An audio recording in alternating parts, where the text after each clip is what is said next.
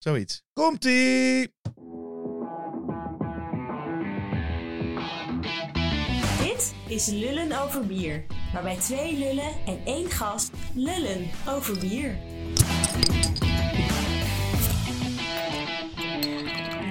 Ja, goedenavond. Welkom bij weer een nieuwe Lullen over bier. Het hele land zit nog steeds op slot. En wat eerder tot 6 april zou duren, is afgelopen week verlengd tot 28 april.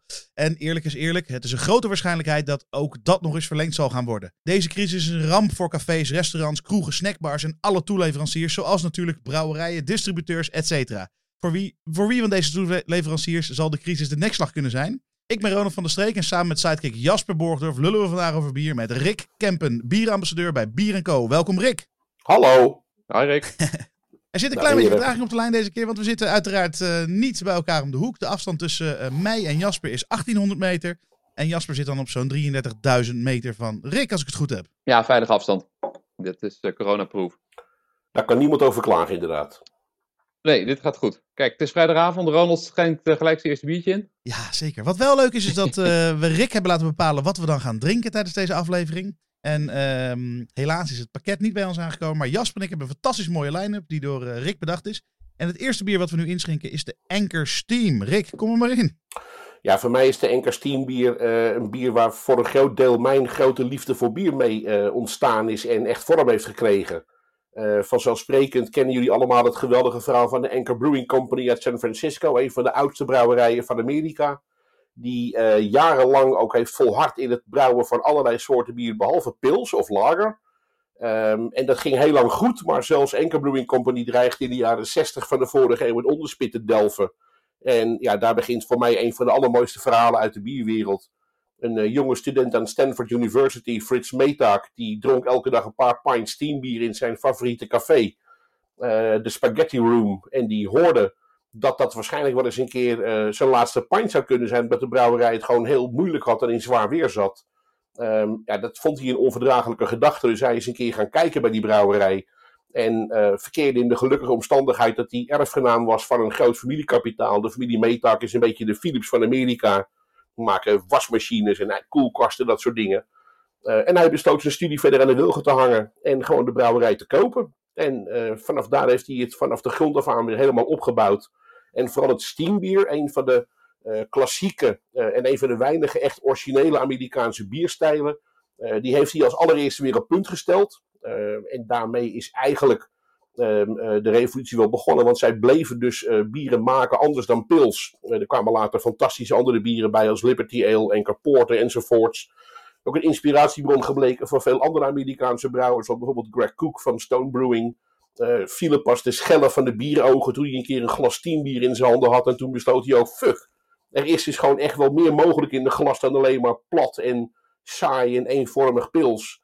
Um, nou goed, hij is daardoor geïnspireerd geraakt. Talloze mensen zijn daardoor geïnspireerd geraakt. En ja, buiten dat is Enkel Brewing ook nog eens een keer een van de allermooiste brouwerijen die er is. Ben je ooit in San Francisco, ga er kijken, doe die tour en kus de ketels, net zoals ik gedaan heb. Het is echt een uh, plaatje.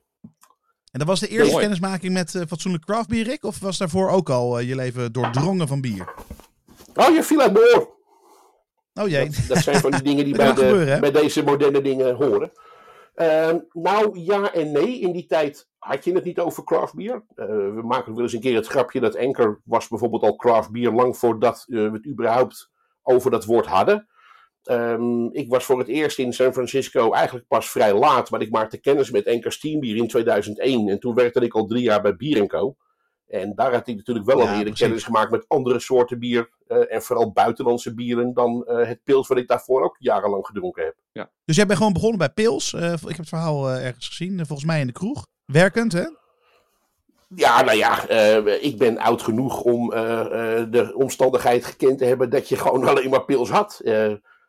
Ik heb nog eens een keer een boekje over bier geschreven en daar was de, de, de inleiding van toen ik in de Engelse race werkte in Amsterdam had je maar vier soorten bier. Heineken in een vaasje, een fluitje, een uh, uh, bolletje en een kleintje. Dus er was gewoon eigenlijk niks anders. Ik kan me nog herinneren dat ik de eerste palmvertegenwoordiger en de eerste Hoegaarden vertegenwoordiger het café binnen heb zien lopen. Die hm. ons bier probeerde te slijten. Waarvan we allemaal dachten, wat is dat voor meuk zeg. Dat, ziet, dat, is, niet eens, dat is niet eens helder. Wat moeten we hiermee? Dus um, ja, ik kom uit de tijd dat, dat je eigenlijk gewoon alleen maar pils dronk. Om de dood eenvoudige reden dat er niet eens bij je opkomt dat er iets anders was. Ja, Eh, die tijd heb ik ook nog wel meegemaakt, maar eh, niet, eh, niet zo bewust als jij. Jij werkte ook al in het bier, dat vind ik mooi aan jou. Je zei zelf, eh, Een vleesgeworden bierliefhebber, kan het niet anders zeggen. dat is wat jij bent, een vleesgeworden bierliefhebber. Jij ademt eh, bier, jij, jij, jij drinkt bier. bier is een heel groot deel van je leven. Ehm, zijn er dagen dat het niet over bier gaat bij jou? Nee. Nee, daar hoef ik niet eens Nee? over na Nooit. te denken. Nee, nee. Eh, wat dat betreft heb ik ook niet echt een serieus leven buiten mijn werk. Eh, je kunt ook misschien wel zeggen dat ik niet het soort persoon ben die van zijn hobby zijn werk gemaakt heeft. Het is bij mij zoals omgekeerd. Ik heb van mijn werk mijn hobby gemaakt. Het gaat bij mij altijd Oh. over bier en je kunt me er altijd voor wakker maken. Kijk, dat is in ieder geval heel goed. Mij ook wel trouwens. Maar Jasper, hoe zit het met jou? nooit. eh, ja, nou ja, eh, helaas. Nou, niet helaas. Nee, hetzelfde. Ja, elke dag wel iets met bier. Niet, niet, niet per se drinken, maar, maar nou ja, eh, ik heb een café-restaurant, dus daar ben je ook elke dag wel mee bezig. En bier is de hoofdmoot. Hey, en Maar Rick, heb jij al- nooit. met al die, eh, oh, eh, ja, Jasper, nee, kom hem door. af, is er dan. eh, is er dan op de lijn, jij bent aan de beurt. Zeg het maar. Ik praat gewoon doorheen. Eh, is er nooit een keer een dag dat je denkt: ik heb eigenlijk meer zin in een wijntje? Dat is alleen als het bier op is. Dat is nooit waarschijnlijk als je bij een bierbedrijf werkt. Ehm, nee, ja, nee eh, ik, ik maak daar graag een grapje over, maar ik, ik drink gewoon heel graag bier. En het is vooral het feit dat er koolzuur in zit en bepaalde smaakaspecten aan Mhm. zitten die je gewoon in wijn veel minder tegenkomt. Eh, dat maakt dat ik echt Ja. niet heel gauw Ja, naar een, eh, een wijn zal grijpen. Sterker dat is wel grappig. Ik heb, eh, ik heb dat boek voor jou gelezen, Rick. Het boek eh, Bier. En daarin zeg je dingen die... eh, ja, dan jij mag straks wat zeggen, zeker weten. Nee, ik heb het boek voor jou gelezen, het boek Bier. En eh, daarin zeg je dingen die ik eh, zelf ook heel erg vind over bier en over wijn. Ehm, eh, kijk, bier is een drank die gemaakt wordt of gebrouwen wordt door brouwers. En ehm, ja, bij wijn is het een beetje afwachten. Hè? Hoe, is de, hoe is de helling, hoe is het weer? En, en, en regent het dit jaar, dit jaar nog een beetje? Dus wat dat betreft is bier natuurlijk sowieso mooi.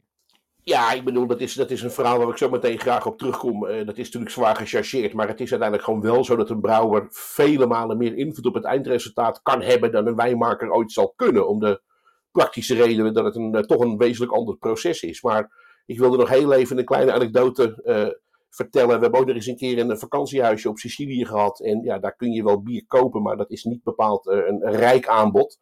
Dus eh, mijn vrouw werd er altijd gillend gek van dat ik dan een, eh, echt een koffer met alleen maar gave bieren met me meesleepte om die drie weken door te komen. en ik had altijd heel wat uit te leggen bij de douane, maar het is altijd goed gelukt. In Italië kun je altijd wel wat regelen. Oh. Hey, Rick, heb, je- heb jij nou een bier wat je het liefste drinkt? Want jij drinkt volgens mij van alles, hè? Van pils tot IPA tot... ja, mijn favoriete bier is het volgende. Maakt het echt niks uit? Van, eh, echt zo, van, zo zuur mogelijk tot, eh, tot zo, ja, weet ik veel, ja. Ja, er zijn natuurlijk bieren die ik liever drink dan andere. Ik ben inderdaad eh, eh, een tijd lang echt een totale IPA-gek geweest. En dat, dat kan ik nog steeds heel erg waarderen. Ik ben de laatste jaren weer wat meer eh, respectvol de lagers en de ondergistende bieren aan het drinken.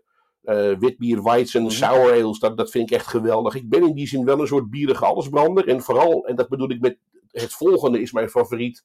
Altijd benieuwd wat ik nu weer voor moois tegen ga komen. Maar Ehm, je zult mij nooit een glas bier door de gootsteen zien spoelen. Ik bedoel, zelfs hoe smerig dat het ook is. En willen toch wel weten waarom dat dan zo smerig is. Maar je bedoelt eigenlijk zeggen dat je altijd benieuwd bent naar nieuwe trends en nieuwe dingen die weer voorbij komen? Of grijp je ook graag terug op oude eh, klassiekers eigenlijk? Ik grijp dolgraag terug op oude klassiekers. En ik ben niet per se op zoek naar nieuwe trends. Maar ik ben altijd wel benieuwd naar... eh, want dat is mijn grootste fascinatie met het hele product bier. Eh, in de grond van de zaak zijn er duizenden, tienduizenden mensen wereldwijd elke dag bezig met slechts vier basisingrediënten. En dan komen ze iedere keer weer met iets anders uit. En ik blijf dat fascinerend vinden. Ik blijf daar mateloos veel respect voor hebben en hartstikke jaloers op zijn. Want ik kan dat niet. Ik kan niet bedenken hoe je eh, door A, B, C en nog wat dingetjes te doen kunt komen tot X. Eh, maar iedere keer is het toch weer anders. Maar Rick, jij hebt nog nooit een bier door de go- gootsteen heen gegooid? Nou, ik heb het één keer gedaan, maar toen was er een, zat er een pediococcus-infectie in en toen was het een soort motorolie geworden. En dat is eh, echt gewoon niet lekker om te Ah. drinken.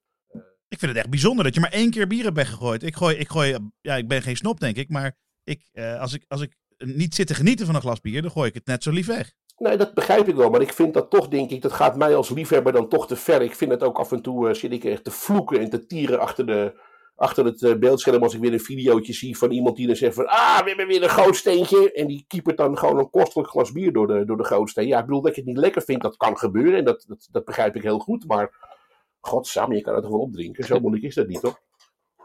Ik vind dat, ik vind dat, ik vind dat echt een klap in het gezicht van de brouwer. Nee, maar hier, hier blijkt wel uit dat je een eh, hele diepe liefde voor de drank hebt. En voor eh, alles. Nee, niet alleen de drank. Wat je zegt, ook voor de brouwer en de brouwerijen en de cultuur eromheen. En Ja. alles wat er natuurlijk bij komt kijken. En dat Ja. brengt ons natuurlijk gelijk op het volgende. Jij hebt eh, de afgelopen jaren eh, veel blogs geschreven. Je hebt eh, her en der flink wat herrie gemaakt. Allemaal volgens mij ter promotie van de goede zaak. Bier in iedereen's glas te krijgen. Dat doe je natuurlijk deels vanuit je werk. Maar dat heb je ook volgens mij onbezoldigd gedaan voor My Life with Beer. En nog wat andere mooie uitingen. Ehm, en daarin had je het ook wel vaak over brouwers die dingen fout deden. En dat zou een gevaar zijn voor ze. Ja, als brouwers dingen fout doen, eh, daar is niks mis mee. Soms doen ze dat bewust, soms doen ze dat onbewust, maar dat hoort er nu eenmaal bij. Het wordt pas een probleem als ze van hun fouten niet willen leren. En, eh, ehm, en, en dat vind ik dan wel jammer, want dan vind ik dat je niet echt serieus met je vak bezig bent.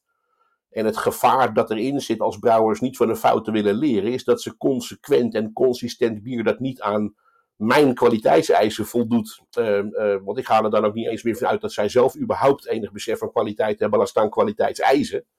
Eh maar als zij daar dat soort bier op de markt blijven brengen en daarmee consumenten iedere keer ehm, op een negatieve manier verrassen, dan ben ik er gewoon heel erg bang voor dat dat soort consumenten op zeker moment zeggen van ja, als dit nou is waar iedereen zo opgewonden over doet, dan geef mijn portie maar aan Vicky. Oh god, daar ga je weer.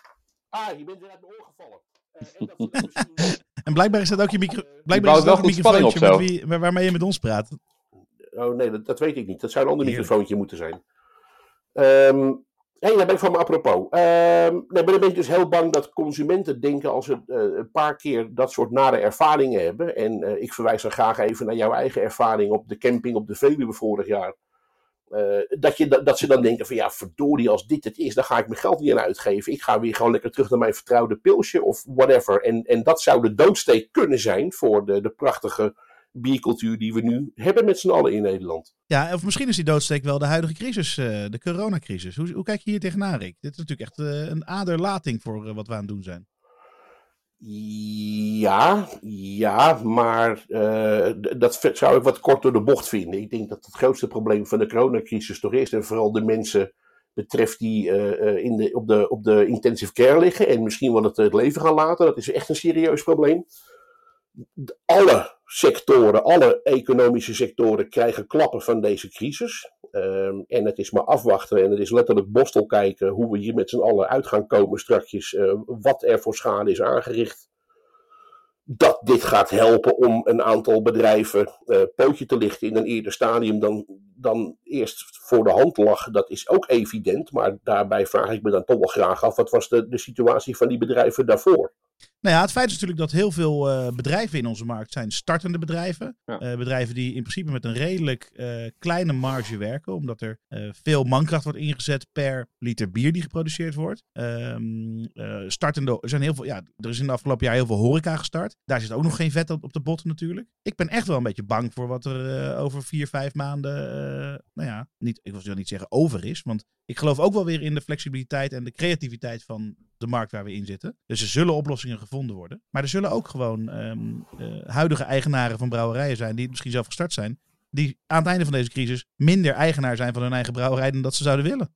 Als ze überhaupt nog een, eh, een brouwerij hebben, dan ja, nee, dat gevaar zit er zeker in. Ehm, kijk, het, het is gewoon echt ontzettend lastig, hè, want het, het zijn, eh, je, je doet nu, we doen nu generieke uitspraken, terwijl we het allemaal over hele individuele gevallen hebben.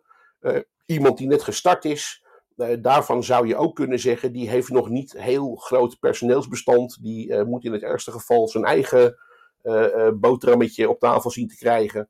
Die heeft nog geen langlopende contracten met leveranciers. Die heeft wel het risico nu van bier dat in de tanks ligt. Maar op een of andere manier kun je je daar ook wel weer bij voorstellen. Daar, daar zitten niet hele grote vaste lasten aan die ze nu allemaal moeten zien te dekken. Dus die zouden het met een beetje steun en welwillendheid van de mensen op een heen en de regering wel moeten kunnen uitzien. Zelfs als dit een maand of twee, drie, vier gaat duren. Eh, bedrijven die al wat langer bezig zijn, die hebben veel meer dat probleem dat ze al eh, een groot personeelsbestand hebben. Of dat ze al wel langlopende contracten hebben met leveranciers. Of misschien zelfs met afnemers die dwars gaan liggen. Eh, die pijn zal groter zijn, denk ik, eerlijk gezegd. Ja. En, eh, en, eh, noem dan eens voorbeelden. Welke, welke grote denk jij in dat het, eh, dat het problematischer is? Want volgens mij is het bij ehm, hele. nou, Brewdog bijvoorbeeld. Brew- Brewdog die heeft wel serieus probleem als ik ze zo volg op, eh, op Facebook. Eh, maar ik weet in mijn geval, wij hebben ook serieus problemen. Ja, Ja, een en, wereld van verschil tussen. en ik denk dat, eh, dat, dat die schaal van het bedrijf op zich nog niet eens zoveel uitmaakt. Ik bedoel, eh, of je een bedrijf bent met wereldwijd 100.000 medewerkers of met eh, lokaal in Utrecht eh, 15 medewerkers. Op dezelfde schaal heb je die pijn. De kans is wel vrij groot dat als jij al langer bezig bent en inmiddels zo groot bent dat jij 100.000 man aan het werk hebt, dat je een groter potje hebt om op te teren dan, eh, eh, dan bijvoorbeeld die eh, kleine brouwerij in, of relatief kleine brouwerij in Utrecht. Maar als je het procentueel zou gaan uitdrukken, is de pijn en de bedreiging hetzelfde. Geldt dat dan vooral voor brouwers? Of zie je dat juist ook bij cafés? eh, andere horeca? Ja, dat, dat vind ik echt heel erg lastig. Ehm, Ja.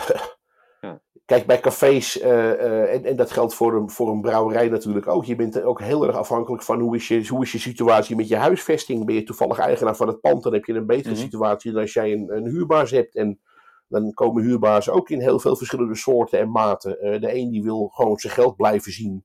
En de ander denkt van ja, verdorie, het is eigenlijk wel een hele fijne huurder. Ik heb er al heel lang een goed contact mee. Die ga ik eens even een halfjaartje matsen. Eh, dat, dat zijn natuurlijk wel de, de, de, de financiële lifelines waar je het als brouwerij extra lang mee kan uitzingen. Of als horeca-ondernemer. En hoe zit het aan de distributiekant? De kant waar jij natuurlijk vandaan komt? Nou, ik denk dat we rustig kunnen zeggen dat wij op dit moment eh, God op onze blote knieën danken dat we anderhalf jaar geleden zijn overgenomen door Royal Swinkels Family Brewers. Want als Bierinco op dit Ja, moment op eigen benen nog had gestaan, eh, eh, ehm, dan hadden we natuurlijk bij lange na niet de resources en het vangnet gehad waar we nu op kunnen terugvallen. Dan was het bij de vraag geweest of ik nu nog eh, dit shirt had kunnen dragen. Ehm, eh, voor ons is natuurlijk de horeca een heel belangrijke tak van sport. Eh, retail is, eh, is ook belangrijk, maar wat we nu zien dat we meer verkopen in retail compenseert natuurlijk bij lange na niet wat we nu verliezen in, eh, in horeca. Eh, dus het had heel goed zo kunnen zijn dat wij misschien nu wel de helft van de mensen eh vaarwel hadden moeten zeggen. En dat hoeft nu nog niet. En daarmee zeg je eigenlijk dat eh, eh, ook bij distributeurs, andere distributeurs, niet Bierenkoos, dat daar waarschijnlijk ook flinke klappen moeten gaan vallen. Ja, nou ja, volgens mij had jij eh, twee weken geleden eh, José Reinders in de, in, de, in de podcast zitten. eh, die ook allerlei creatieve ideeën aan het bedenken is om van haar voorraden af te komen. Maar die voorlopig nu natuurlijk vrijwel geen omzet heeft. Die zal ook nog wel wat leveren aan bierwinkels en in mindere mate aan retail. Eh, maar al de cafés waar zij natuurlijk een hele cruciale rol voor vervult om hele gave niche spulletjes te ritselen. eh, dat ligt nu allemaal stil. Ik heb geen idee hoe lang die het van gaan volhouden. Ja, maar daar heb je natuurlijk eigenlijk hetzelfde verhaal als wat je net zei bij die brouwers. Hè? Daar heb je eh, de, ja, de gradatie heel klein. Mensen die het in een eentje doen met een halletje dat ze huren. En mensen die, eh die 5, 6, 7, 8, 10 man op de payroll hebben. Ehm, en, misschien nog, en, en dan nog weer de vele grotere, zoals de, de Bierenkoos en de, en de nou ja, laten we Bultebier eens noemen. Ehm, waar de druk natuurlijk nog veel hoger is. Ja. Ehm, gewoon vanwege, vanwege dat het zo groot is. Ja, en, en dan, eh, dan weet ik niet precies hoe zij er allemaal individueel voor staan. Ehm, maar ik kan me ook heel... Kijk, Multibier is in die zin denk ik een, eh, een beetje een gelukkige zwarte zwaan. Want die hebben zich nooit echt grootschalig op de horeca gericht. Die eh, zijn altijd vrij sterk geweest in, in, het, in, het, in, het, in het leveren van slijterij, het leveren van retail. Nou, dat loopt allemaal nog prima door. Dus ik denk niet dat zij op dit moment echt de pijn hebben die... eh, eh, die wij nu bijvoorbeeld hebben, maar ook kleinere slijterijen die, die lokaal distribueren, die bijvoorbeeld zoals een, een Melgers uit Haarlem of dat soort partijen, ja, die, die hebben nu allemaal busjes staan die je alleen maar kan wassen. Ja, dat is inderdaad volgens ja. Ik, dat zie ik ook om, om me heen. In, in Utrecht hebben we natuurlijk eh, Nectar, die gewoon eh, gesloten is geweest eh, twee weken lang. Hier zo. Dat is pittig hoor. Dat is heel Mhm. pittig inderdaad. Zo simpel is het. Hey, zie je ook eh, positieve dingen van de crisis? eh? Ja, alleen ik weet nog niet precies wat het voor ons allemaal betekenen gaat. Het meest positief wat ik nu eh, om me heen zie is toch de, eh, aan de ene kant de, de, de hartverwarmende creatieve wijze waarop heel veel mensen elkaar weten te vinden en weten te steunen. Waarbij dat varieert wat mij betreft voor het doen van boodschappen voor je buurvrouw eh, die eh, de, de supermarkt niet indoet. Tot het uitlaten van, van, van eh 500, 600 tegelijkertijd. Omdat je daarmee niet met z'n allen in het parkje staat, maar dat bij Tourbird voor elkaar regelt. Tot alle geweldige initiatieven die worden bedacht om bedrijven in, in leven te houden en in de lucht te houden. Eh, dat vind ik altijd toch wel ja, spannend. Dat dat, dat dat soort dingen blijkbaar alleen maar kunnen als er hele hoge druk op de samenleving staat. Want waarom doen we dat normaal eigenlijk niet? Ik vind het eigenlijk wel een hele fijne manier om weer eens een keer eh, een spiegel volgehouden te krijgen. Eh, iets anders wat ik heel positief vind. Ik denk dat wij met z'n allen, als deze hele gekke eh, periode voorbij is, op een hele andere manier gaan kijken naar hoe wij ons leven leiden, hoe wij reizen. We gaan denk ik veel minder gemakkelijk nog even een weekendje met de, de kerosinebrander naar, naar Barcelona op en neer. Ehm, eh, ik, Ja, denk je echt dat dat blijvend is? ik kan me niet voorstellen dat dit niet voor een hele grote groep mensen een, een wake-up call is. En er zullen genoeg mensen zijn die eh, meteen weer tot de orde van de dag overgaan. eh, hè, want daarvoor stond de wereld ook in brand en deden we er ook geen flikker aan. Maar ik denk dat het voor een hele hoop mensen eh, ja, wel, wel een wake-up call is, waardoor je weer eens kritisch gaat kijken. Ik had het, ik had het zelf met een heel zullig eh akkefietje. Ik had opeens. Ik, ik breng normaal gesproken mijn dagen door op mijn werk of in de kroeg. Nou, dat laatste gaat godverdomme niet, want die zijn allemaal dicht. Dus ik heb zeeën van tijd over. En dan ga je, ga je achterlijke klusjes doen. Ik ben mijn keuken gaan thuis? opruimen. Ik, wist niet eens dat ik zoveel laadjes had Ja. en wat er allemaal in stond. Ik werd er helemaal knettergek van. En dat drukte me, en dat is het punt waar ik heen wil, ook weer met mijn neus op de... Op, op, eh, nee, wacht even. Eh, dat drukte me met mijn neus op het feit dat ik toch blijkbaar ook een ontzettende speelzieke eh, sukkel ben. Die gewoon niet goed nadenkt en denkt, vanavond ga ik dat eens koken. Eh, heb ik ketchup in huis? Nou ja, nee, dat, ik neem gewoon een flesje mee. En zo doe je dat blijkbaar heel vaak. Want ik kan me dus achter dat ik gewoon negen flessen ketchup had staan. Allemaal aangebroken. Wat voor een idioterie is dat? Ja, je bent wel wat dat betreft eh, uniek. Je, je kunt ook redeneren van, joh, zodra het weer kan en mag, pak ik juist wel dat vliegtuig naar Barcelona. Want voor het weet kan het weer niet. Ja, dat, dat zal zeker ook. En ik heb helemaal niet de illusie dat hierna eh, de wereld opeens een, eh, een idyllisch plaatje is met alleen maar grazige weiden en lieve lammetjes. Maar eh, ik denk toch wel dat voor een grote groep mensen, als dit er helemaal op zit, eh, dat je toch weer eens een- bij jezelf te raden bent gegaan en op een andere manier omgaat met, je, met, de- met de wereld om je heen en het leven dat je leidt. Althans, ik hoop dat. Ik hoop dat oprecht. Ja, mee eens. Ja. Het is sowieso, vind ik, eh, wel een kracht van de bierwereld, ook voor de coronacrisis, dat iedereen elkaar echt wel eh, wat gunt. En eh zoiets heeft we doen dit met z'n allen. En dat is alleen maar meer geworden. Eh, wij hebben ook samen met, nou ja, Fred, die we twee weken geleden hadden, acties gedaan. En met heel veel andere partijen. Dus ja, ik ben het wel met je eens. Ja, ik bedoel, wij hebben natuurlijk nu een eh, speciale lullen over bier. Dus het gaat over brouwers, bier en de horeca. Maar ik vind het ook gewoon gaaf om te zien dat je allerlei andere initiatieven ziet. In Amsterdam doet Hiske Versprillen nu de Snop Borreltas. En die zorgt dat de prachtige kaarsjuwelier Abraham Kev zijn kaarsjes wel kan verkopen. En dat geweldige hammetjes, eh patéetjes, eh, eh, vers gebakken broden, dat soort dingen. met een mooie glas of met een mooie fles bier of een mooie fles wijn van de lokale importeur of producent toch bij de mensen komen. Weet je, er worden duizend en één geweldige initiatieven nu ontplooid om ehm, eh, elkaar te helpen.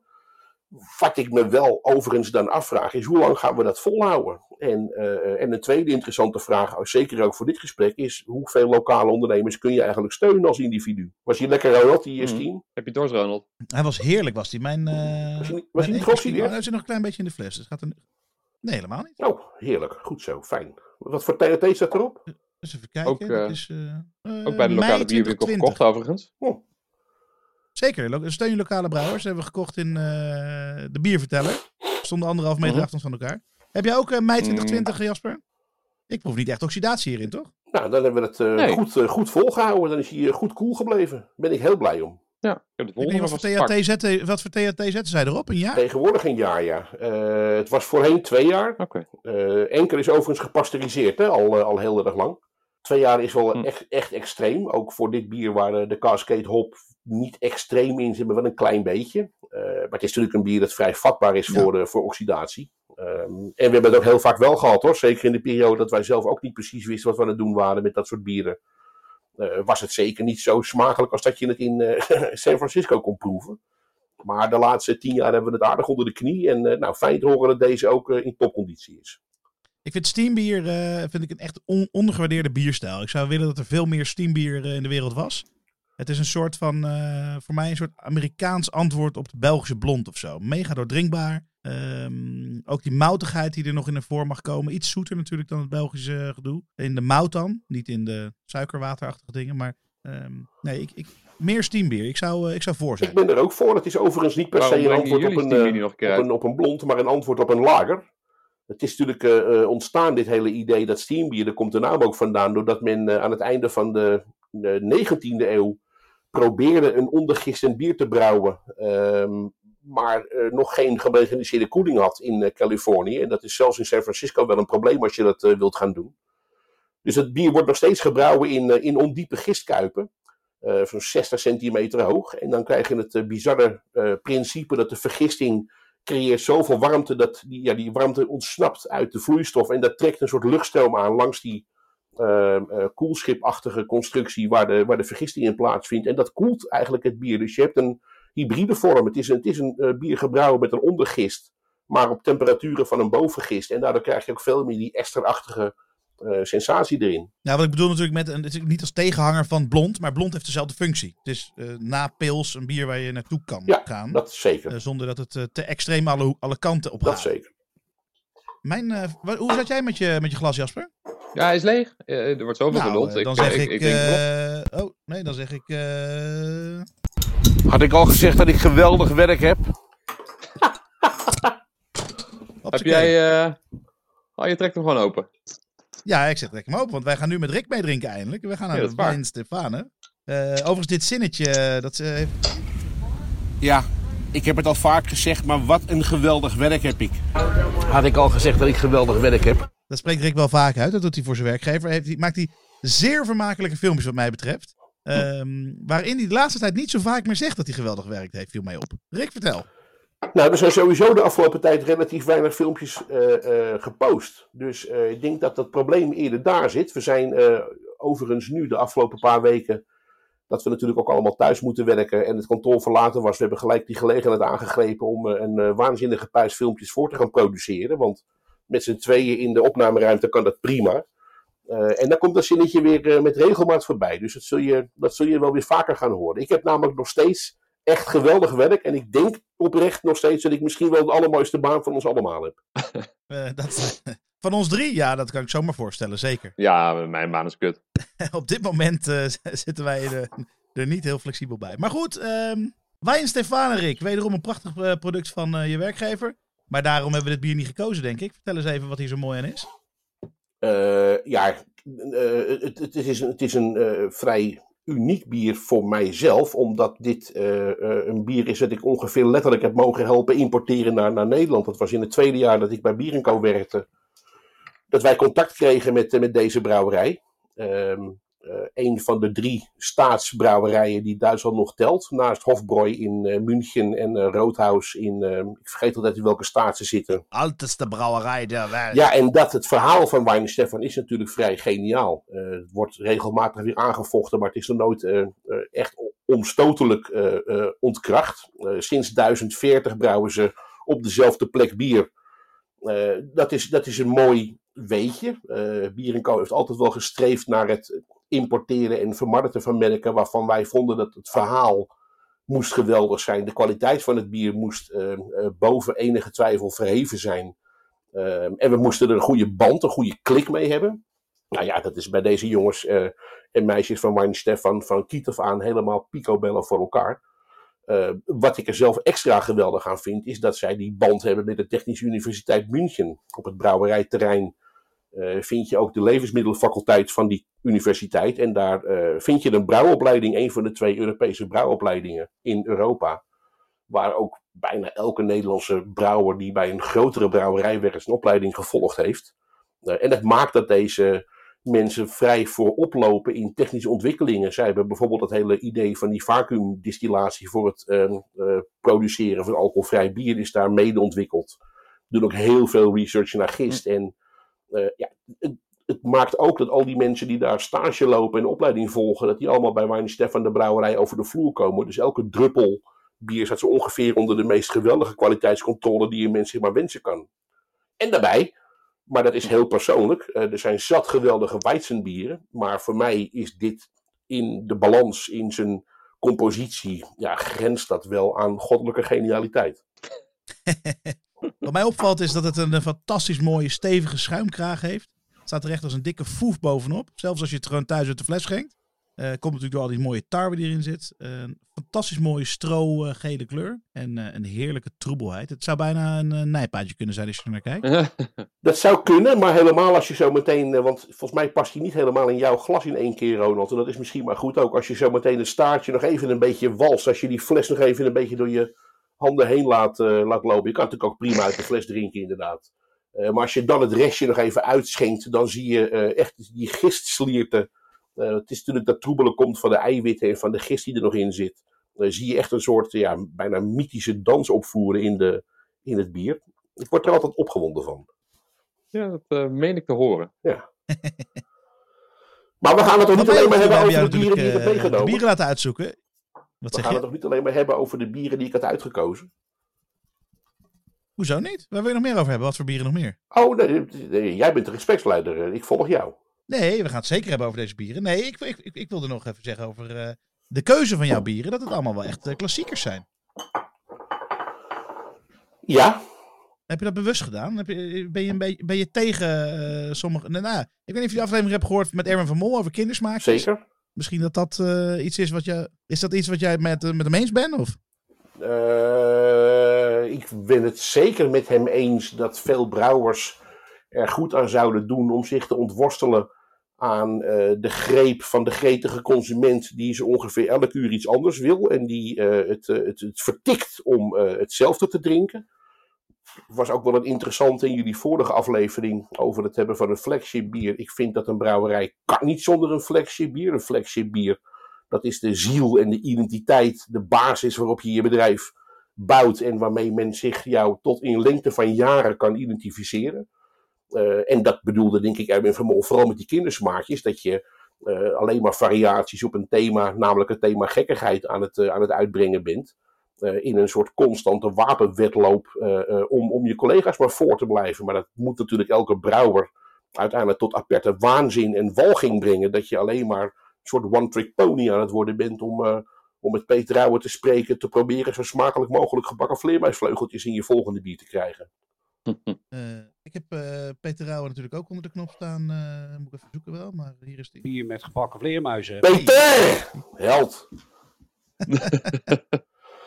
nee, ja, Nou, als we het over Peter hebben. De Dutch Beer Challenge was eh, gisteren, Rick. Oh, sorry. Ja, dat, nou, de, ja, de, ja, precies. De bekendmaking van de winnaars. Dat klopt. Ja, een van Gefeliciteerd er zijn een paar vragen over binnengekomen via Facebook. Dankjewel. Er zijn een paar vragen over binnengekomen. Eén vraag vond ik wel interessant. Dat was, eh, welke brouwerijen miste jij nou tijdens de uitreiking van de Dutch Beer Challenge? Wie had eigenlijk een medaille moeten pakken die jij echt niet gehoord hebt?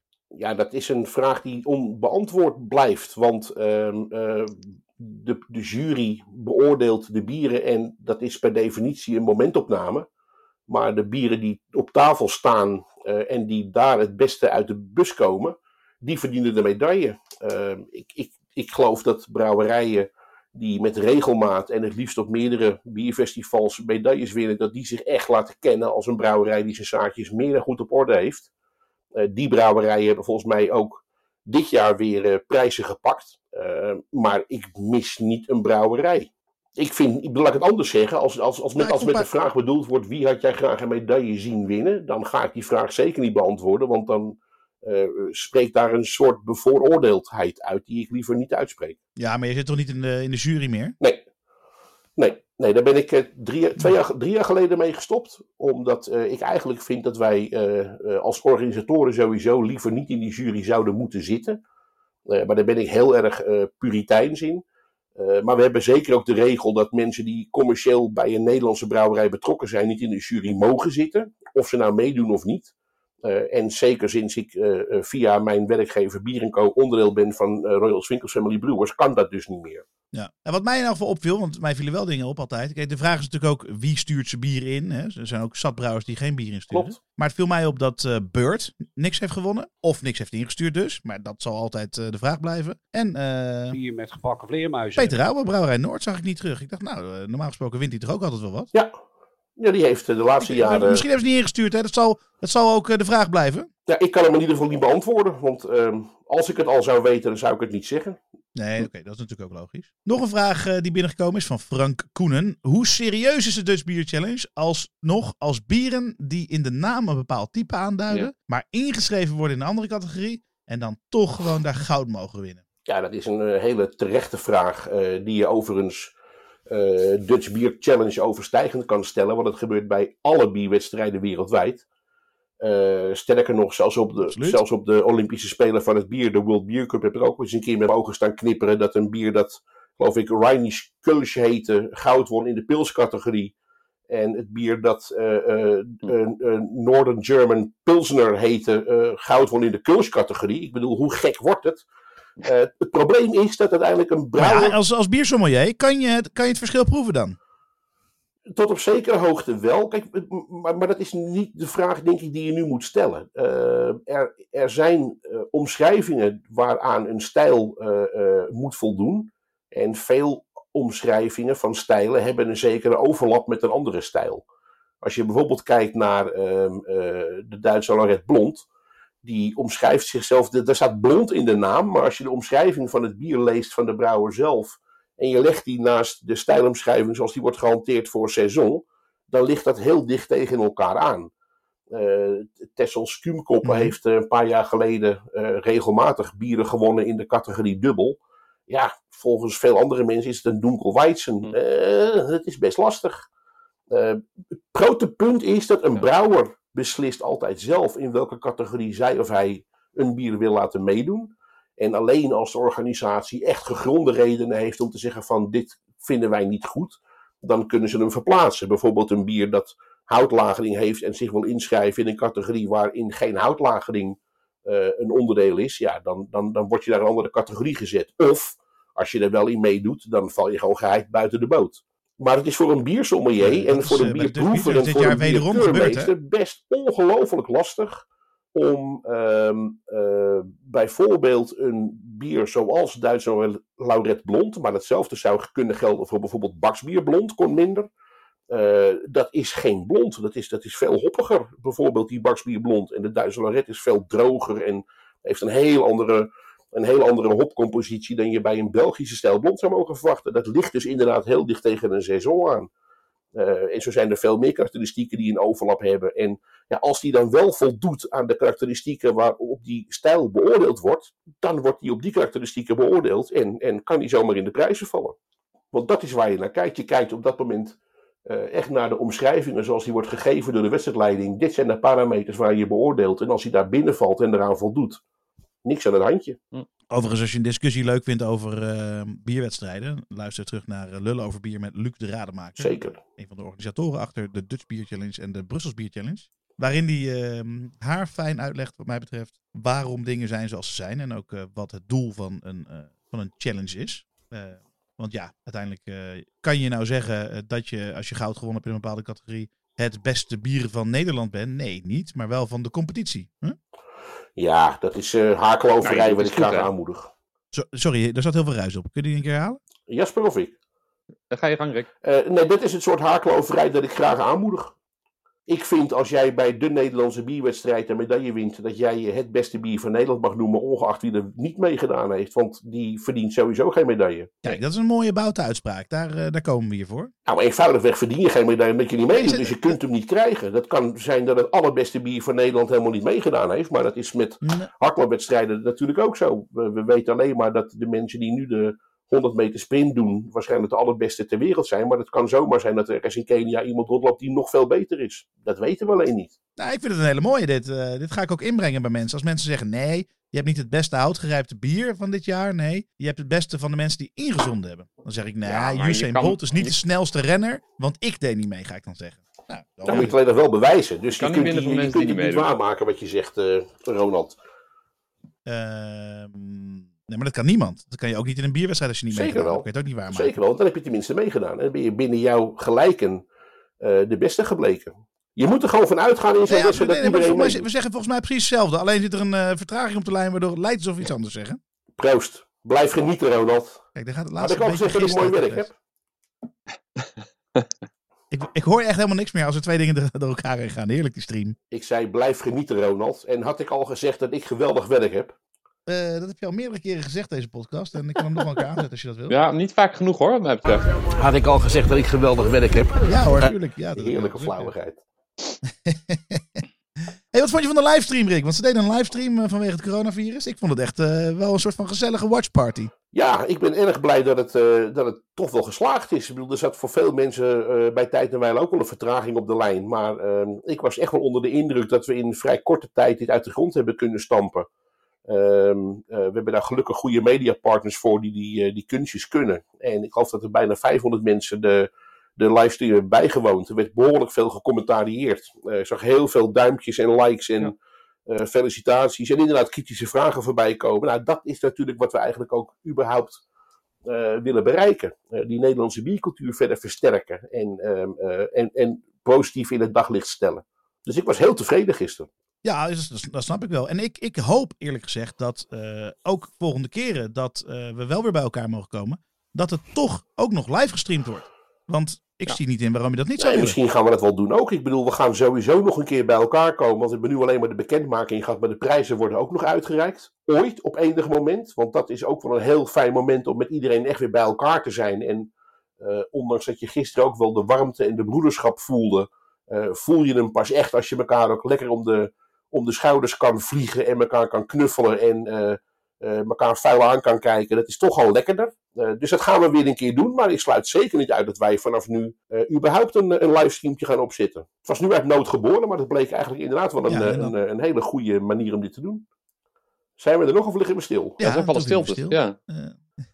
Ja. Ehm, nou, mooi. Ook weer gebeurd. Eh toen we stil. Ehm, zijn er wat vragen van Facebook, eh, Rick? Godsamme, hoe moet ik even... Zo vraagt Marcel, eh, Marcel Damneu van Dem, die vraagt zich af welk biertje er in je glas zit. Ja, die, die, die griezel die moet zijn mond houden. Er zit een glas bier heb ik in mijn handen. ik heb geen biertje in mijn handen. Ik heb een Nou, glas wijn daar heb je van de week eh, een filmpje over gemaakt. Daar heb je van de week een filmpje over gemaakt. Eh, of moet ik zeggen, een film. Nee, dat mag je best een filmpje noemen. Daar heb je van de week een, een videootje over gemaakt. Ehm, maar ik vind het wel een beetje te belerend. Kijk, ehm, je hebt helemaal gelijk, hè? Je hebt 100% gelijk dat jij daar een glas bier hebt. En eh, met respect voor de brouwer, alles op en eraan. Maar je gaat toch ook soms gewoon even een pintje pakken. Of een biertje pakken. Of een biertje drinken. hey, zullen we nog een biertje drinken? Dat is gewoon een normale uitspraak, toch? Niks mis mee. Nee, zeker. En eh, sterker nog, eh, toen ik met dat achterlijke idee kwam op, op eh, 1 april, we zaten ook een beetje te dubben van gaan we het überhaupt niet doen met deze dag of niet, want dat, dat, dat voelde toch wat ongelukkig. Toen leek het gewoon wel een geinig idee om het statement te maken. Er is één ding waar je sowieso nooit grap over maakt en dat is het prachtige product bier. En ik erger me oprecht eh, aan het gedachteloos gebruik van het woord biertje. Dus dat kwam erg mooi samen. Nee, natuurlijk eh, eh, kun je dat woord prima gebruiken. Sterker nog, toen we dit idee bedacht hadden, bleek dat we ook onze site even heel gauw moesten opkuisen. Want er kwam ook op veel te veel plekken gewoon het woord biertje gewoon nog voor. Eh, dus ik ben mijn collega Michael thuis Oh, ja, heel joh. dankbaar dat hij dat eh, nog eventjes eh, keurig niks op tijd gedaan heeft om zeg maar, die angel tenminste uit mijn zij te trekken. Eh, nee, maar het is, het is zoals wel vaker natuurlijk gewoon gechargeerd om wel een, een doel te bereiken. Ehm, eh, want ik vind dat echt, het, het komt overigens ook uit frustratie over die briljante marketingactie van 20 jaar geleden met die eh, skileraar. Eh, en het proberen synoniem te maken van het woord biertje met een merk. Eh, en daar ben ik sowieso nooit zo heel erg voor, voor, geweest. Eh, maar vooral het gedachteloos wegzetten van een biertje. alsof het zomaar een, een, een inwisselbaar product is. Daar, ik wilde daar gewoon een beetje een rel- relletje over schoppen. En ik had voor de rest niets beters te doen. Dus zo gebeuren die dingen. Maar, maar biertje is wel enigszins synoniem geworden met een bepaald merk, toch? Ja, nou, dan kunnen we dat ook weer proberen te desynonymiseren. Het, het, Ja, staat toch meer, kunnen. het is toch meer eh, gekoppeld aan pils. Niet per, ja, Heineken heeft dat goed gedaan, maar eh, ik krijg zo vaak mensen in de kroeg die zeggen: doe maar een, doe maar een biertje. En dan zeg ik: ja, we hebben er 30 op tap, wat wil je hebben? Ja, gewoon Ja, maar een dat is denk ik een van de briljante dingen. Hebben ze het niet eens zelf Ja, maar door. dat is natuurlijk een van de briljante dingen die wij nu als luxe in, onze, in, onze, eh, in ons bierland hebben. Hè. Het was inderdaad 10, 15 jaar, misschien 5 jaar geleden zelfs nog wel gebruikt dat jij een café binnenstapte en een biertje bestelde. Dan kreeg je gewoon zonder enig nadenken een pils geserveerd. We hebben wat dat betreft zoveel geweldige stappen voorwaarts gemaakt. We mogen best, eh, vind ik, Mhm. ons best doen eh, die stappen eh, te blijven zetten. En oh, het is natuurlijk volkomen terecht dat je zegt, Ronald, je overdrijft het en het is te belerend. Nou ja, weet je, dat, dat trekt me daar voor de rest vrij weinig van aan. Ik ben er niet om vrienden te maken, daarbij ik heb al een vriend. Dus ik blijf dit soort acties gewoon eh, lekker doen. Mensen een beetje tegen de schenen schoppen. Nou, heerlijk toch? Ik, ik geniet er altijd Mooi. van. Want, vol- want, want, want in de kern zijn wij het heel vaak met elkaar eens. En dat is een van de eerste dingen die ik ook ooit tegen, tegen jou gezegd heb. Ik herinner me dat het bij de, dat het bij de, bij de praal was. En ehm, dat was naar aanleiding van een, ehm, een interview wat jij gaf bij eh, eh, Birista. Toen de tijd nog een talkshow op YouTube. Of op de Birista website. En eh, jij was toen ook al zo'n heerlijke roeptoeter op internet. Maar in de kern zeg je gewoon eh, ja, precies wat, eh, wat er gezegd moet worden en wat, er, ehm, ja, wat de waarheid is. Ik zit intussen trouwens nu in jouw eh, boek, te, samen met Marco Philips, in jouw boek te bladeren. Biertje wijzer, eh, bierwijzer. Bierwijzertje. Ehm, ik zat te zoeken of ergens, eh bierwijzertje, of ik ergens in de, in de gauwigheid het woord biertje zou kunnen ontdekken. Maar nee, dat, eh, dat gaat maar dat niet. zal er vast in staan. Waarschijnlijk in een stukje van boek, Heel Marco. veel bieren worden... ja, dat zal wel, ja. Eh, Heel, heel veel bieren. Het wordt eigenlijk eh, om en om. Hè? Marco eh, beschrijft een bier, jij beschrijft een bier. En ehm, aan de hand van het bier nemen jullie ons mee naar, door de brouwerijen van, nou, eigenlijk van de hele wereld, hè? Ja, kijk, het is een initiatief van Mitra Slijterijen. Eh, we hebben eh, twa- 12 of 13 jaar geleden het eerste boek uitgebracht, Minder Trambeland in Bierland. En ik denk nog steeds dat dat een boek is geweest waardoor heel veel mensen zich opeens realiseerden dat er meer tussen hemel en aarde was dan pils. En vooral uitgelegd en verteld in een soort Jip en Janneke taal zonder de boel te infantiliseren. Eh, maar ook toen stond het assortiment van Mitra centraal. Eh, dus alle bieren die je in het boek beschreven vindt, kun je ook bij elke Mitra-slijter eh, vinden.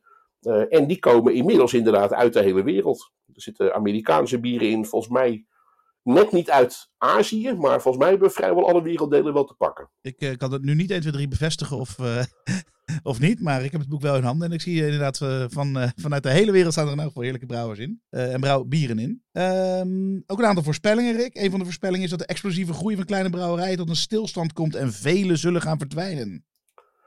Ja, dat is een. Het is een economische wetmatigheid en dit proces wordt mede door kwaliteit bepaald, maar ook door prijs. Ja, en blijkbaar ook door een virus. Ja, ik, ik, ik, nogmaals, ik wil dat graag bestrijden. Eh, eh, dat de, de, de, de ballon, de, de bubbel van het bier eh, een keer moest gaan knappen, eh, stond wat mij betreft al een aantal jaren buiten kijf. Eh, maar dat uitgerekend het coronavirus de naald is die die ballon doet knappen, dat had niemand kunnen voorzien. Maar ehm, laten we vooral nu niet zeggen dat, de, de, dat er zometeen een heleboel brouwerijen om gaan vallen vanwege en alleen maar door het coronavirus. Daar liggen nog heel veel andere oorzaken aan ten grondslag. En één daarvan is het feit dat niet Ja, die had de iedereen gewoon. Zijn er al- gewoon voldoende goed doet wat hij doet. Zijn er al brouwerijen of, of, of eh, andere horecazaken die al omgevallen zijn? Nou, horecazaken heb ik wel wat berichten over gehoord. Eh, onder andere eigenaren van eh, meerdere cafés die zeiden, nou, ik moet er één of twee laten vallen. Ja.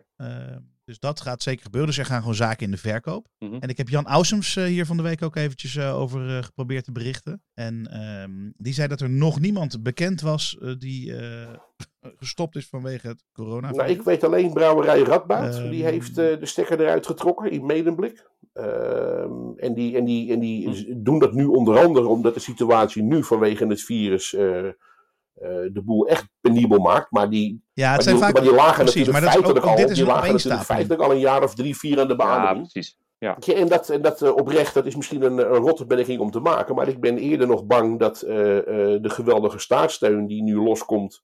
eh, misschien voor een heleboel brouwerijen nu een soort laatste strohalm is om zich er eens eventjes in op te trekken. Eh, en, en waarvoor, Ja. eh, ik zou bijna willen zeggen, de broodnodige euthanasie eh, alleen maar wordt uitgesteld nu. Ja. Want we hebben natuurlijk er straks Nou, wel maar die staatssteun is niet zo heel breed. Hè? Die gaat alleen maar over de lonen. Ja, dat is voor veel brouwerijen wel de belangrijkste leningen met lage rentes. Nou, vergis je niet, heel veel brouwerijen hebben ook een flinke kostenpost aan de financieringen die ze hebben lopen. Dus als jij een lease hebt lopen of een lening. ehm, als jij een kwade hebt, dan zou je toch op een gegeven moment eh, ook in zo'n periode als dit gewoon moeten gaan terugbetalen. Klopt. En dan heb je nog een andere categorie mensen die klappen gewoon tijdelijk hun, eh, hun laptopje dicht en die eh, wachten tot het helemaal eh, voorbij is.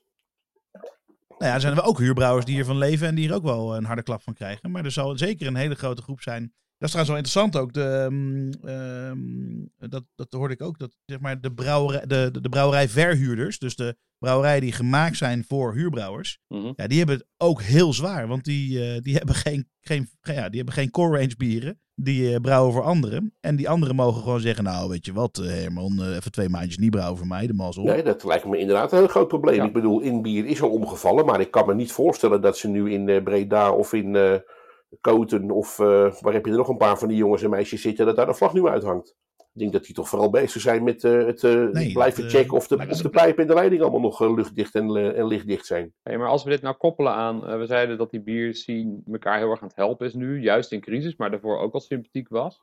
Maar anderzijds, als het echt over faillissementen gaat en terugbetalingen die niet meer kunnen eh, gedaan worden, hoe, hoe vriendelijk blijft het dan?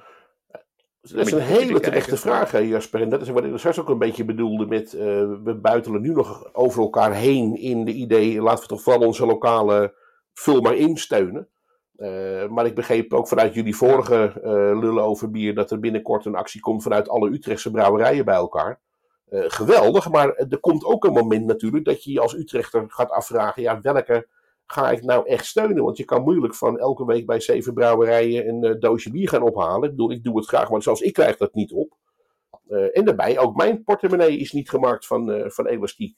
Dus er komt ook zo meteen. Ja, zeker, maar ik, ga, ik kan daar wel iets over uitweiden. We gaan afvragen, een campagne opzetten die heet wie, Nu wie blijf ik steunen en, en bij wie blijf ik mijn consumenten. Ik blijf gewoon doorlullen. Met die campagne gaan we consumenten. Ik vind dat je het trouwens deze en bijzonder bewonderenswaardig weinig doet, Ronald. Want normaal gesproken stel jij een vraag en begin je zelf een antwoord te geven voordat de gast het antwoord heeft kunnen geven. Maar ik vind dat je je vandaag bijzonder, bijzonder goed gedraagt. Ik ben trots op je. Ik ben ja, heel blij, Rick, dat je mijn taak zo moeilijk, uh, zo goed inschat hoe moeilijk het is. vooral voor de mooi, Jasper. Het is een van de voorwaarden... Hey, godverdomme jongens.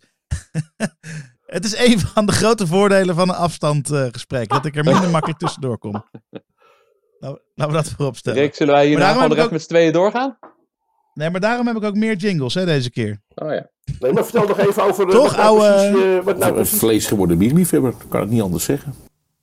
Vertel nou even nog meer over ja, die actie, Ronald. Uh, Ronald. Ja, precies. Nu Utrechts Bier gaan we, is een campagne eigenlijk. En die campagne wordt vanuit zes brouwerijen opgestart.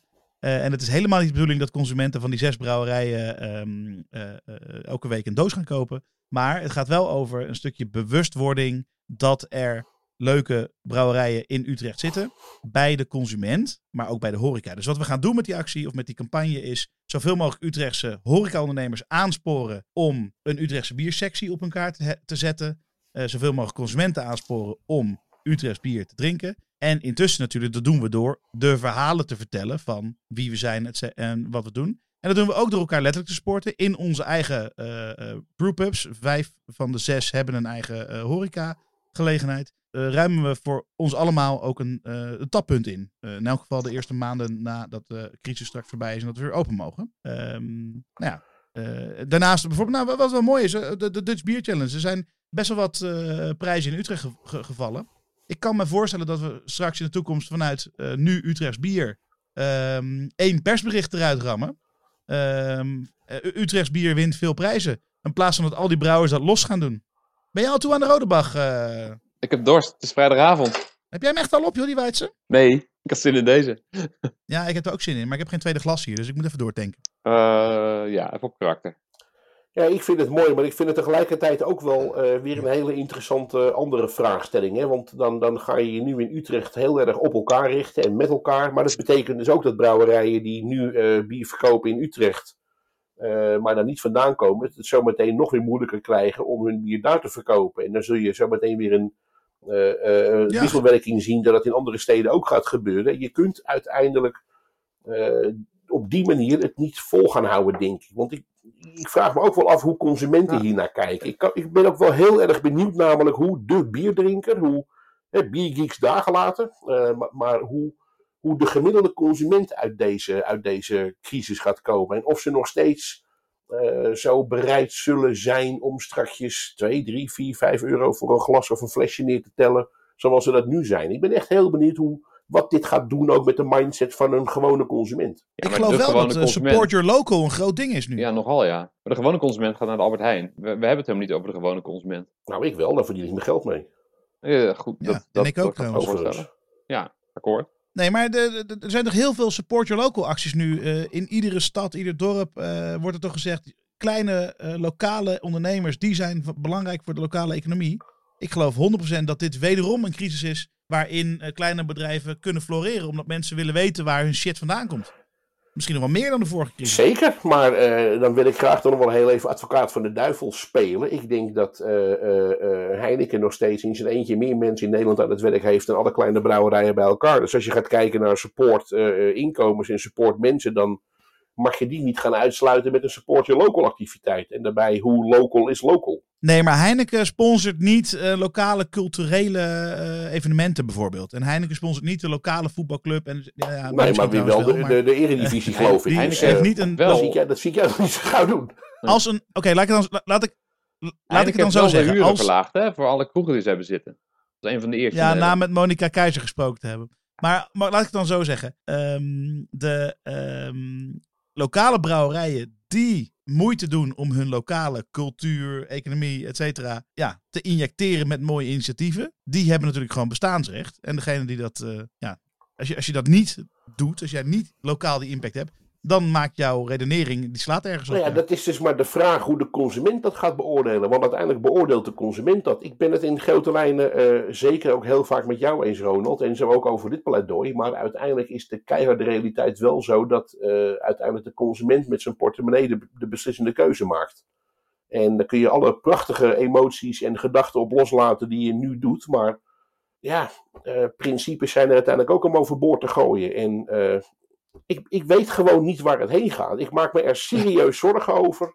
eh, hoe de, de, de gemiddelde consument, en dat is, die komt denk ik ook nog verrassend vaak bij jou in de winkel binnen, Jasper. Maar zeker in mindere mate als dat, eh, dat Ronald en ik het daarvan moeten hebben. Hoe, hoe die, Mhm. en dat geld gaat in bredere zin gelden hoor.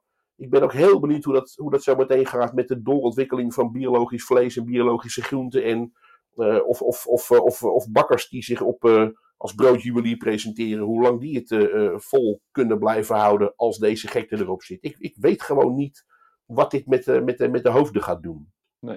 Afwachten. Jasper, jij, jij liet net die Grand Cru zien in beeld. Ja. Ik heb ook even iets om in beeld te laten zien.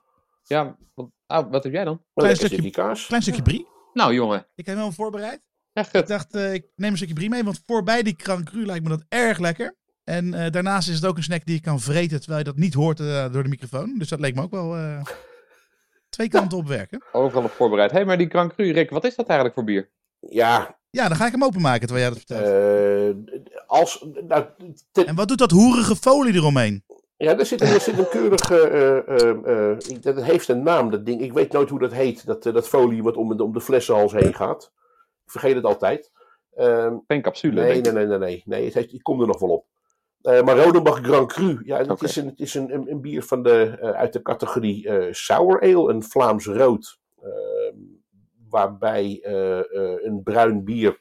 Dat eerst gewoon de normale bovengisting, hoofdgisting ondergaat. Vervolgens op grote houten vaten wordt gelegd, voeders. En in die houten vaten zit, zoals je dat ook kent van de geuzenvaten, ehm, eh, zit een, een soort eigen microcosmos aan gisten en schimmels en andere geinige eencelligen. eh, eh, dat verder nog wordt opgeleukt met een handjevol melkzuurbacteriën, lactoses. eh, die alle restzuur in het, in het bier te lijf mogen gaan. En daar een hele eigen, ja, vaak wijnachtige, vineuze draai aangeven. En de grote truc, net zoals dat met lambiekbieren en geuzes is, zit hem uiteindelijk in het mengen. En bij Rodenbach hebben ze daar een soort standaard op bedacht. De, de, de, de klassieke Rodenbach is één kwart bier dat zes maanden op die. eh, sorry. eh, is één kwart bier dat 18 maanden op voeders heeft gelegen. En drie kwart bier dat zes maanden op houten vaten heeft gelegen. En de Grand Cru die jullie nu hebben, die is twee derde bier van 18 maanden en een derde bier van zes maanden. Hm. En het geeft een hele fijne, frisse, fruitige sensatie. eh, met, met, met hele geinige zoetzure elementen. Sommige mensen hebben er vaak een soort balsamico-azijnachtige associatie mee. Ehm, ik vind het Ja. super verfrissend en mega complex. Ik vind. En, en dat is misschien wel de reden dat ik deze drie bieren nu, eh, eh, waarbij de Liberty Elder had moeten staan, eh, door jullie wilde laten proeven. Het zijn weliswaar klassiekers, maar ze zijn natuurlijk allemaal ook ooit begonnen als zomaar een biertje. En ze zijn inmiddels klassiekers geworden. en zo kan het zomaar zijn dat wij straks Word, de. ik, word ik er nou voor klein Ja, dit was een knipoogje naar mezelf, Jasper. Ah, Eh, maar het zou zomaar kunnen zijn dat de bieren die we nu eh, als, als nieuwlichterij zien, eh, over 10, 20, 100, 500 jaar, eh, nog steeds een klassieker zijn. Ik bedoel, het zou mij niet verbazen als de Van de Streek Playground IPA eh, generaties lang eh, gedronken blijft worden. En op zeker moment misschien wel net zo'n status als een Liberty Ale, een uh, Weihenstephaner Hefeweiss of een Rodebach Grand Cru gaat krijgen. Dat zou toch geweldig zijn? mhm. Nou, dat zou, eh, dat, dat durf ik niet eens van te dromen, maar dat zou zeker geweldig zijn, ja. Het is wel leuk om je te bedenken dat deze bieren ook maar gewoon begonnen zijn als een, eh, eh, als een bier dat voor het eerst het levenslicht zag. Ja, maar, maar ja. zijn deze bieren ook begonnen doordat iemand eh, van zijn van zijn hobby zijn werk maakte? Of Ja, Dat denk ik niet niet. zo goed hoe Dat die echte ik niet. geschiedenis van de start van dit soort brouwerijen zit. niet. De meeste brouwers beginnen Ja. natuurlijk gewoon omdat ze brood op de plank moeten krijgen. Ehm, ik denk ook niet dat iemand ooit begonnen is met het idee van ik ga eh, een klassieker brouwen. Iedereen wil een bier brouwen dat mensen graag kopen en graag drinken. En als het uiteindelijk zo geweldig blijkt te zijn dat het die status van klassieker behaalt, dan denk ik, dan, dan, nee, dan mag je trots op jezelf zijn. En dat is misschien nog even dan terug naar die discussie die we eerder nog hadden over de, over de hypes en de trends en de, en de kindersmaakjes. Je krijgt soms tegenwoordig helemaal niet eens meer de kans om je te richten op het vervolmaken van een bepaald recept, van een bepaald bier. En dat lijkt mij voor veel brouwers, die uiteindelijk natuurlijk toch echt ambachtslieden en vakmensen en tot op zeker niveau artiesten zijn, maar wel eh, eh, proberen als een beeldhouwer de perfectie uiteindelijk eh, daar te krijgen, moet het toch een drama zijn dat je alleen maar klolletjes roze hier, klolletjes roze daar op het doek mag neersmijten. Hm. Kom op zeg. Nou, maar dit was het hele punt van Erwin. eh, dat de consument eh, niet goed genoeg eh, kan proeven en niet, eh, niet ver genoeg wil gaan als tot Nee. een bier. En dat je daardoor als brouwer inderdaad gedwongen wordt. Overigens, wij je hebben hier de. Rodebrach Grand Cru. Jij vertelde mij vanmiddag aan de telefoon dat jij zelf de vintage zou opentrekken tijdens dit gesprek. Die heb jij staan. Ja, die heb ik, maar ik heb mezelf in een wat lastige positie gebracht hier op mijn slaapkamer met een, eh, eh, een microfoontje in. Dus ik kan niet aan de koelkast hobbelen. Oké, dus jij, jij moet het doen met een krat, uh, kratwij Ja, Stefaner. een Nou, staartje. ik bedoel, probeer, het, eh, ik probeer het netjes te houden. Oh. Is het serieus nog je eerste glas eh, van die Weidse? Want wij zitten gewoon echt aan het derde biertje, Jasper en ik. Nee hoor. Oh, twee. Heel Ah, heel goed, heel, Heel goed. goed, heel ja, goed. nummer twee. Mooi. Ehm, nou, ik ben aardig doorheen door de vragen, ook door de Facebook vragen. Dus dat betekent dat we in een afsluitende fase van in elk geval de podcast eh, zijn. Dat betekent niet dat we niet nog meer bier eh, hoeven te drinken met elkaar. Ehm tenzij Jasper nog zegt, nou, ik heb nog echt een vraag waarvan ik zeg, nou, dit eh, gaat alle kanten op. Nou, nee, eigenlijk niet. Ik ben benieuwd. eh, eh, eh, wil je zelf nog iets aan het, eh, de, de, bierliefhebbers eh mededelen, Rick? Nee, ik heb doorgaans, Of iedereen die van ik bier heb houdt? doorgaans voor, de, voor de bierdrinker maar één boodschap. En dat is blijf genieten. En ik zou daar natuurlijk eh, onze company Peo van kunnen toevoegen. Dare to drink different. En eh, blijf vooral nieuwsgierig en blijf vooral ontdekken. Eh, dat is wel overigens iets wezenlijk anders dan het telkens najagen van een nieuwe sensatie. Of een check-in op het Ja, ik bedoel dat eh, als, al- als je daar je, je, je, je eigen status in het leven aan ontleent aan het aantal check-ins eh, op Untapped, ja, dan denk ik, dan heb je iets anders om je zorgen over te maken. Maar dat geheel terzijde. Eh, eh, nee, laten we. Als dat je grootste zorg hebt, is, heb je een prima leven volgens mij. Zo kun je het ook zien. Nee, maar ik denk Rick, dat we ik- inderdaad. Ik heb nog één mooie uitsmijter voor je. Een mooie uitsmijter. ehm, in 2018 zei jij eh, dat 2018 nog te vroeg was voor de onontkoombare shakeout. Hm. Ehm, maar die ging wel komen, zei jij. En dat komt omdat niemand de ondrinkbare bocht van sommige brouwerijen nog wilde drinken. Want dat zal ook in 2018 een probleem zijn. Er zal veel slecht gebrouwen en slecht verzorgd bier op de Ja. markt komen. Is dat Ja. nog steeds zo? Of is het beter Het is geworden? zeker beter geworden. Nou, top. Nou, dan gaan we om die noot eruit. Er is heel veel slecht bier op de markt. En eh, het wordt allemaal ooit een keer beter, maar niet nu. Bier met gebakken vleermuizen. Bedankt voor het luisteren naar Lullen over Bier. Volg ons op Instagram en Facebook. Lullen over Bier. Hé, hé, lekker man. Nou,